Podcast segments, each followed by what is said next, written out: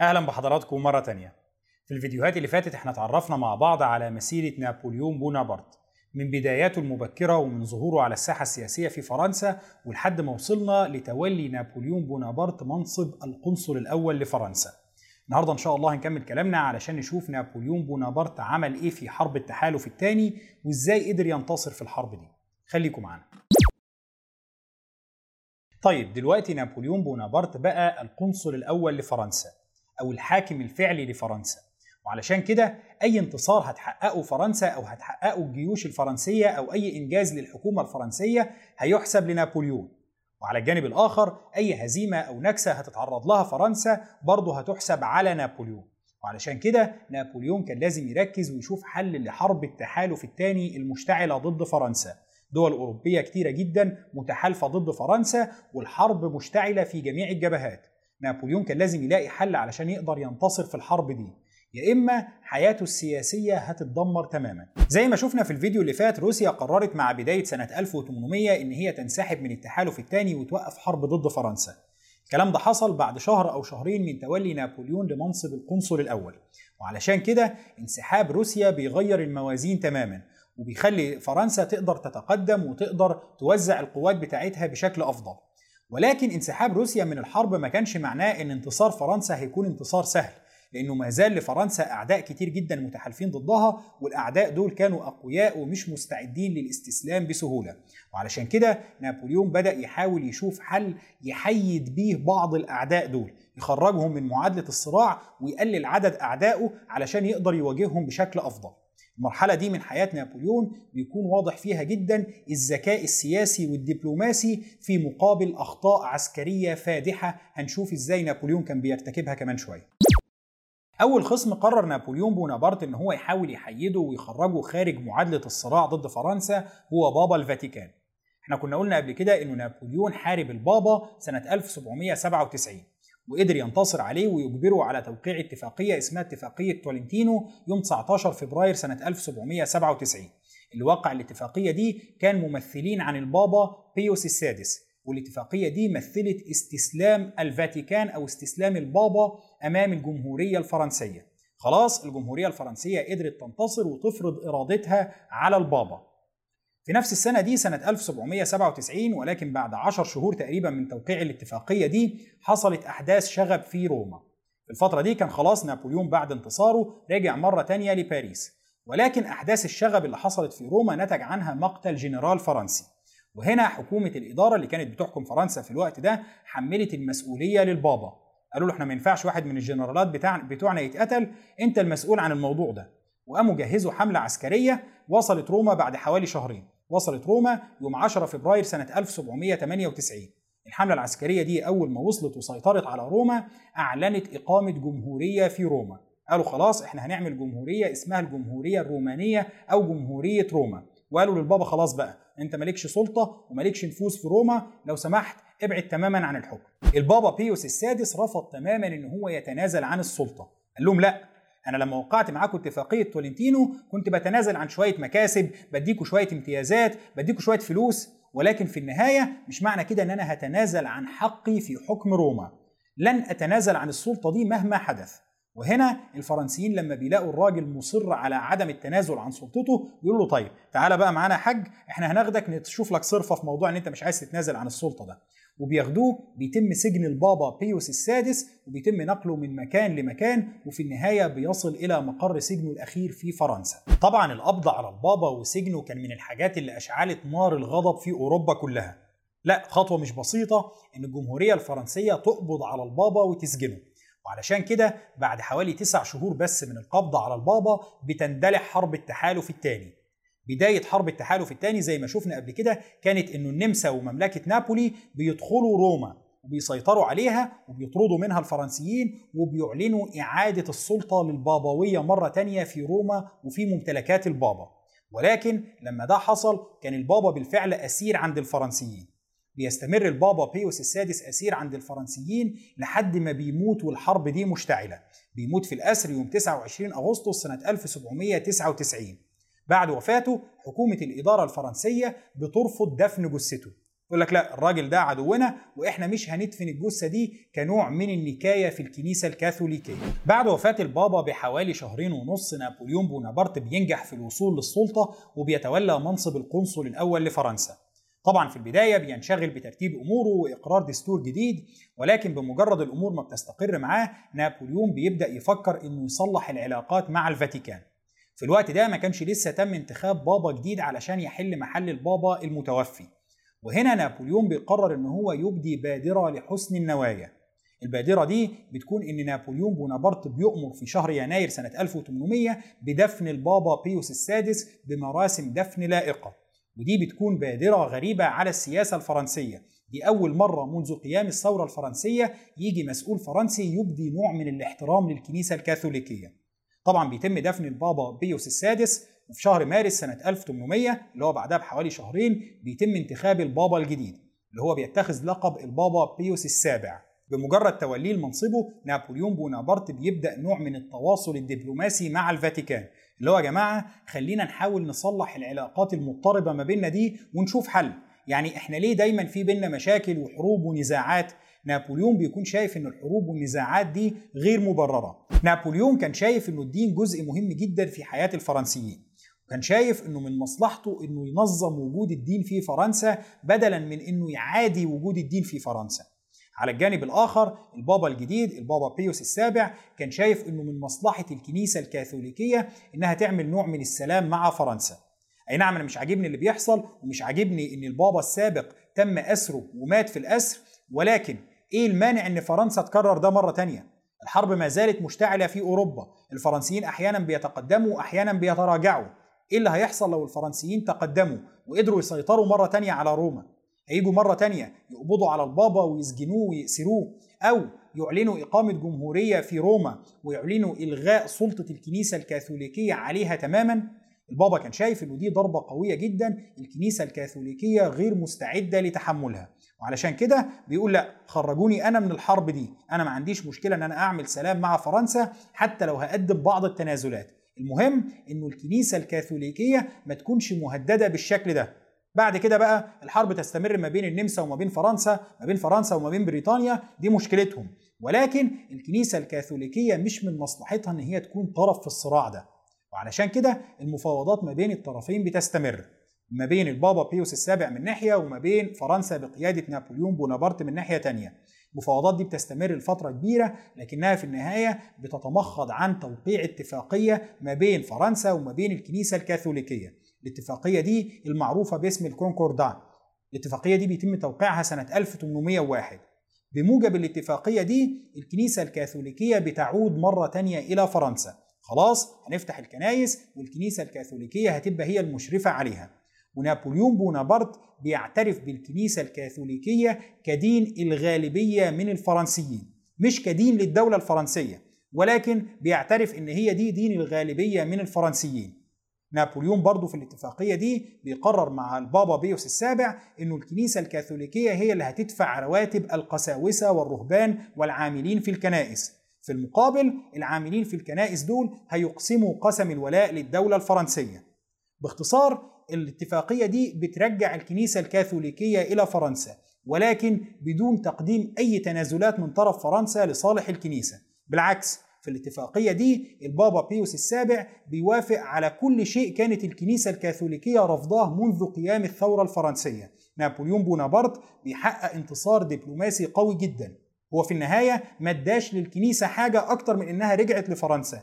ولكن رجعت بالشروط الفرنسية اللي كانت فرنسا عايزاها منذ قيام الثورة لحد دلوقتي. الاتفاقية دي بتثبت إنها فعالة لدرجة إنها بتستمر سارية وبتنظم العلاقة ما بين الدولة الفرنسية من جهة وما بين الكنيسة الكاثوليكية من جهة تانية أكتر من 100 سنة.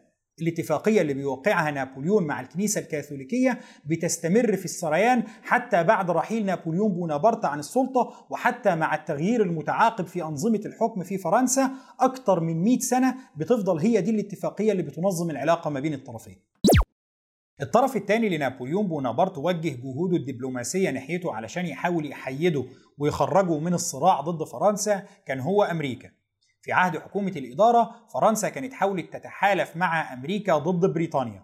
ولكن أمريكا رفضت. قالوا إحنا وقعنا اتفاقية مع بريطانيا وخلاص إحنا مش طرف في الحرب دي. هنا فرنسا زعلت جدا وحكومة الإدارة قررت إنها تخلي السفن الفرنسية تهاجم السفن الأمريكية في عرض البحار. طبعا أمريكا لما لقت الموضوع بالشكل ده تحالفت مع الأسطول الإنجليزي ضد فرنسا. ما إحنا السفن بتاعتنا مش هتتهاجم وإحنا نسكت. وهنا بقى في حالة من شبه الحرب ما بين الدولتين. حالة شبه الحرب دي استمرت أكتر من سنتين. بعد وصول نابليون بونابرت للسلطة راجل قال إيه الغباء ده؟ يعني إحنا دلوقتي كنا رايحين لأمريكا علشان تتحالف معانا ضد بريطانيا. رفضوا. فإحنا بدل ما نسيبهم على الحياد زي ما هم عايزين قررنا نهاجمهم علشان نخليهم هم اللي يتحالفوا مع بريطانيا. يعني بدل ما نسيبهم على الحياد حولناهم لأعداء لينا. نابليون بيقرر إن هو لازم ينهي فورا الصراع العبثي ده. وعلشان كده بيبدأ يتواصل مع الأمريكان ويقول لهم يا جماعة إحنا عايزين يعني نرجع تاني آه، نبقى حبايب وإخوات وبلاش حالة شبه الحرب اللي مشتعلة دي. طبعا أمريكا بترحب لأن كل اللي أمريكا كانت عايزاه في الفترة دي هي إنها ما تكونش طرف في أي صراع أوروبي. إحنا دولة محايدة ملناش دعوة بمشاكلكم حلوها مع بعض بعيد عننا. وعلشان كده المفاوضات ما بين الطرفين بتسفر عن توقيع اتفاقية اسمها اتفاقية 1800 اتفاقية 1800 أو اتفاقية مورتي فونتن. الاتفاقية دي بيتم توقيعها يوم 30 سبتمبر سنة 1800 وبتوقيعها بتنتهي حالة شبه الحرب ما بين أمريكا وما بين فرنسا وبترجع أمريكا مرة تانية على الحياد وهنا الأسطول الإنجليزي بيكون فقد حليف قوي جدا في البحار. طيب كده نابليون أثبت لنا والله إن هو قائد سياسي عبقري وعنده قدرات دبلوماسية وسياسية وعنده قدرة على التخطيط الاستراتيجي. الراجل قدر يخرج اتنين من أعدائه من الحرب بدون قتال. أي نعم هم مش الاتنين الأقوى عسكريا ولا حاجة بالعكس مساهماتهم العسكرية في الحرب كانت محدودة جدا ولكن مش مشكلة. المهم إن التحالف ضده بيقل يوم بعد يوم وإن هو بيقدر يخرج بعض أعدائه خارج الصراع. والله راجل كويس بيثبت قدرات دبلوماسية كويسة. ولكن ما زالت الحرب مشتعلة وما زال عندنا النمسا وبريطانيا. ودول بقى مش هينفع معاهم موضوع الدبلوماسية والجهود السياسية. دول مش هيستسلموا إلا لو هزمناهم عسكريا. وبعدين يعني ده أنت نابليون.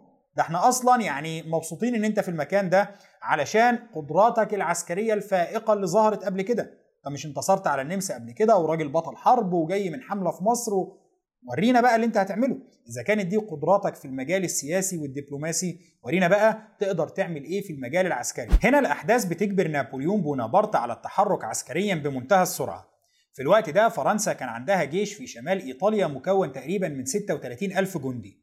في مقابل 120 ألف جندي نمساوي موجودين في شمال إيطاليا. وبالتالي ما كانش فيه تكافؤ أبدا ما بين القوتين. القوات النمساوية كانت متفوقة على القوات الفرنسية تفوق ساحق.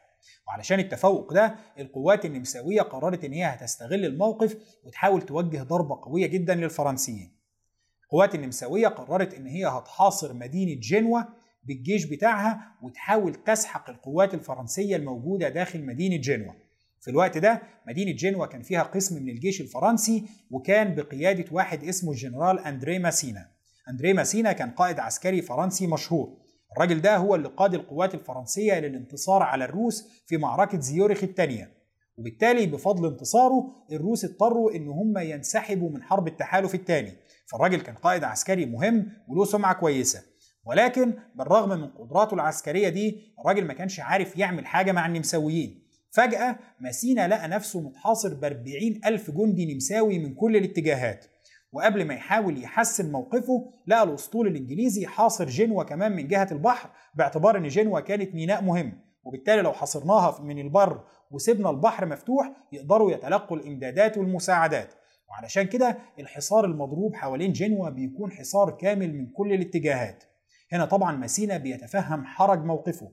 دلوقتي هو اتعزل تماما عن الجيوش الفرنسية سواء الجيش الفرنسي الموجود في شمال إيطاليا أو حتى عن فرنسا نفسها. وبالتالي هو مش هيقدر يتلقى أي نجدات.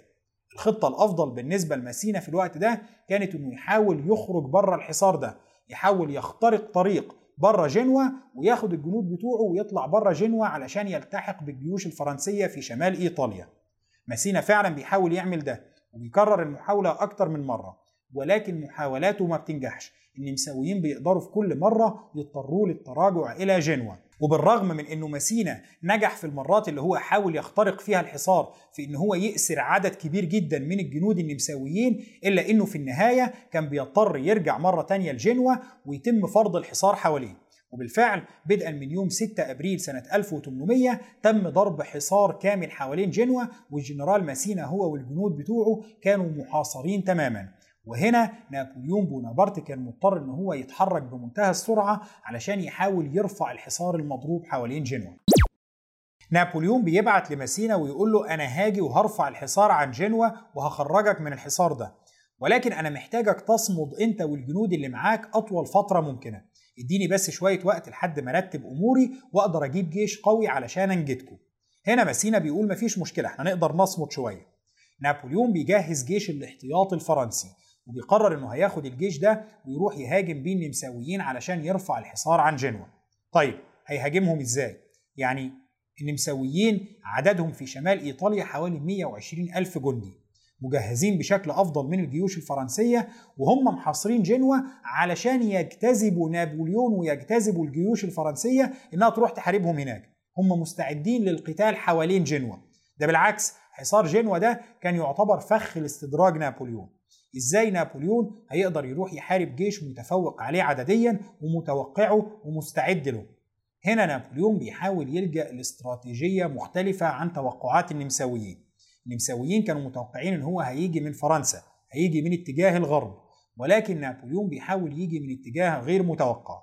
نابليون بيستغل سيطرة فرنسا على سويسرا وبياخد جيش الاحتياط بتاعه وبيتجه بيه إلى سويسرا. ومن سويسرا بيحاول إن هو يعبر الممرات الجبلية في جبال الألب باتجاه وسط الشمال الإيطالي.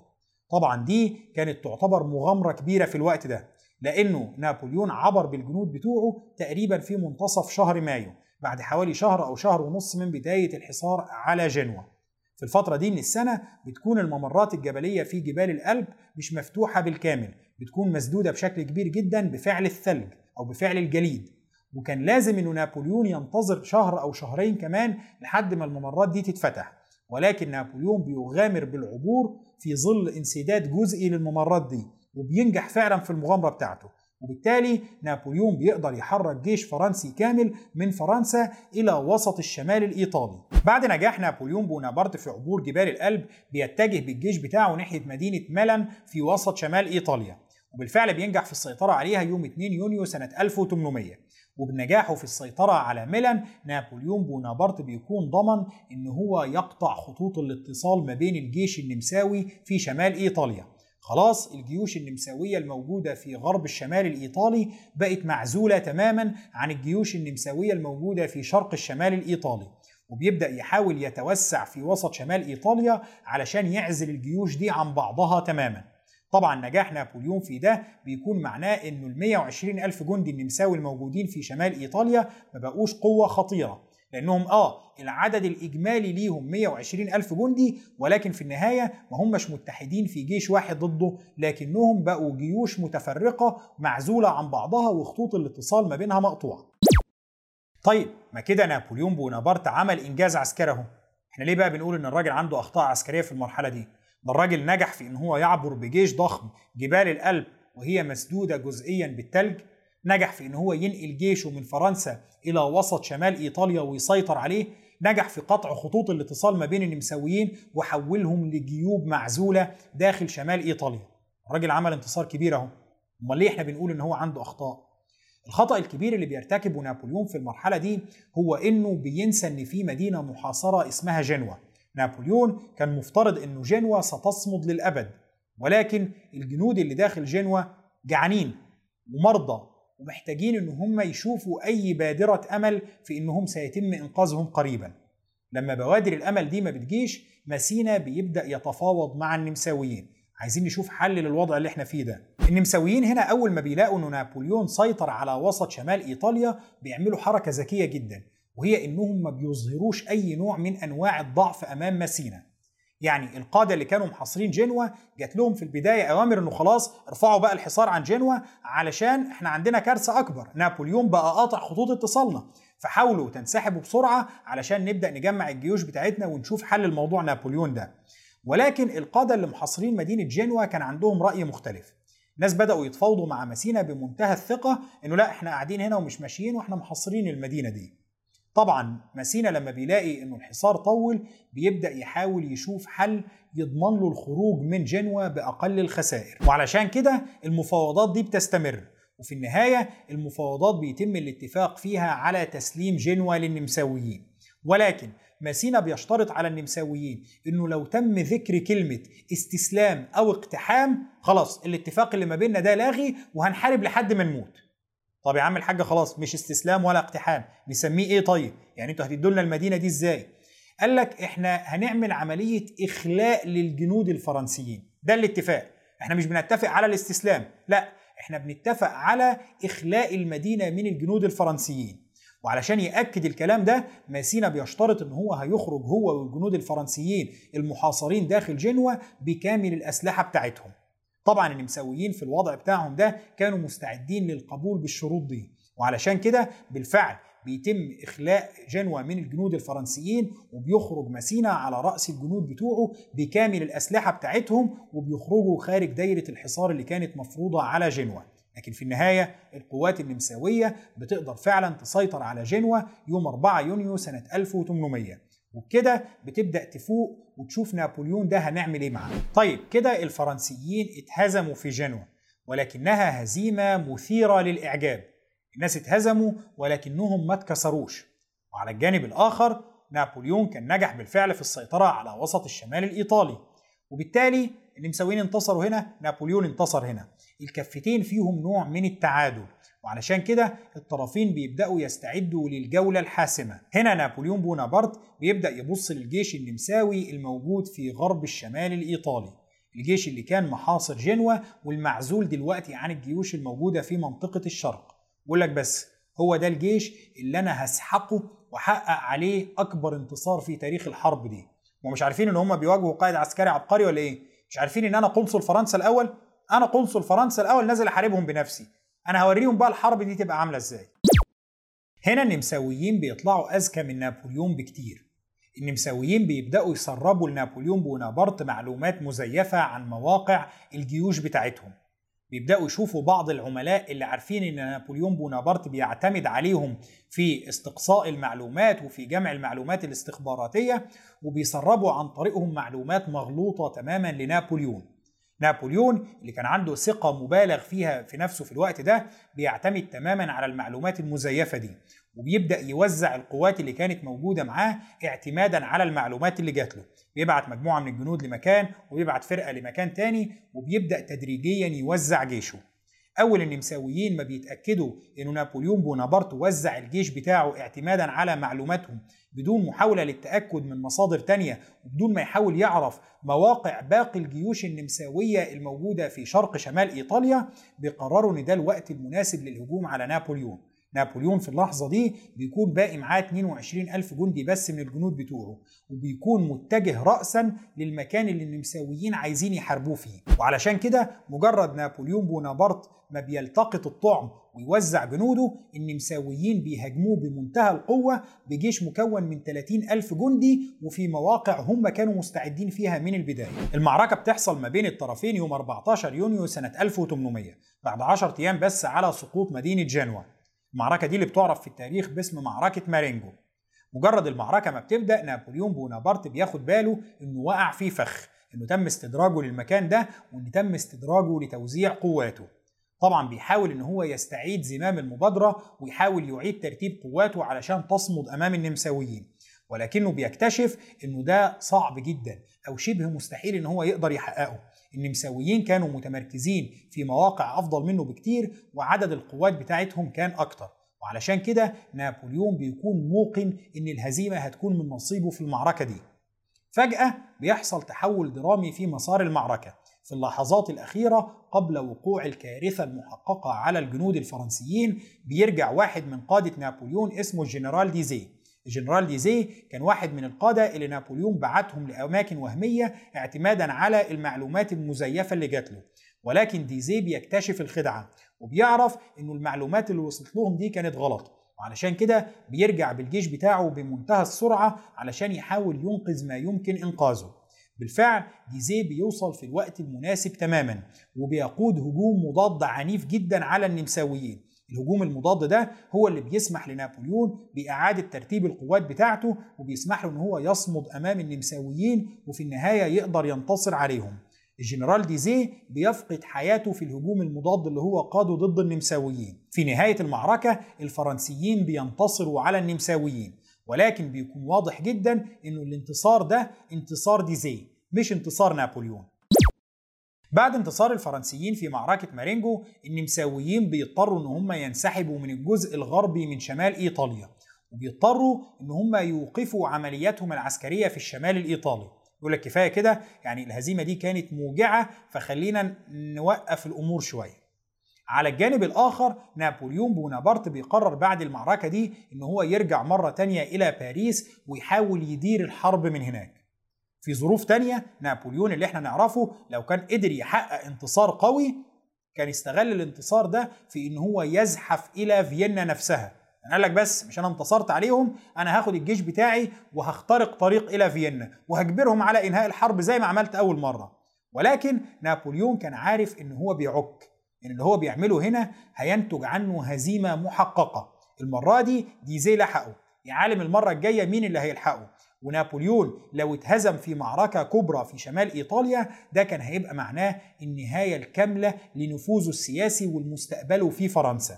ونابليون ما كانش مستعد يخاطر بنفوذه وبمستقبله السياسي. وعلشان كده بيقرر إن هو يرجع لباريس ويقول لك أنا هحاول أدير الحرب من هناك أو أحاول أحقق انتصارات على جبهات تانية. أما في شمال إيطاليا كفاية عليه كده. إحنا انتصرنا عليهم حلو قوي لحد كده وهم وقفوا العمليات العسكرية بتاعتهم. مش عايزين نغامر بالانتصار بتاعنا في شمال إيطاليا. بعد رجوع نابليون بونابرت لباريس بيتم استغلال الانتصار في مارينجو وتسويقه وتقديمه للفرنسيين باعتبار إن ده انتصار خالص لنابليون بونابرت.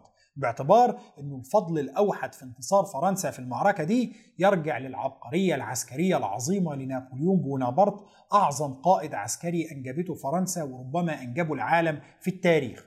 طبعا ما بيتجابش سيرة انه النصر ده كان هيبقى هزيمة مرة لولا تدخل واحد زي ديزي آه بيتكرم ديزي وكل حاجة أو بتتكرم ذكرى ديزي ولكن في النهاية التسويق للانتصار ده كان بيتم باعتباره انتصار نابليون. هنقف لحد هنا النهارده إن شاء الله والأسبوع الجاي هنكمل كلامنا علشان نشوف إزاي نابليون بونابرت قدر ينهي حرب التحالف الثاني وإيه اللي كان بيعمله باعتباره القنصل الأول لفرنسا. شكرا لحضراتكم وإن شاء الله نشوف حضراتكم الأسبوع اللي جاي.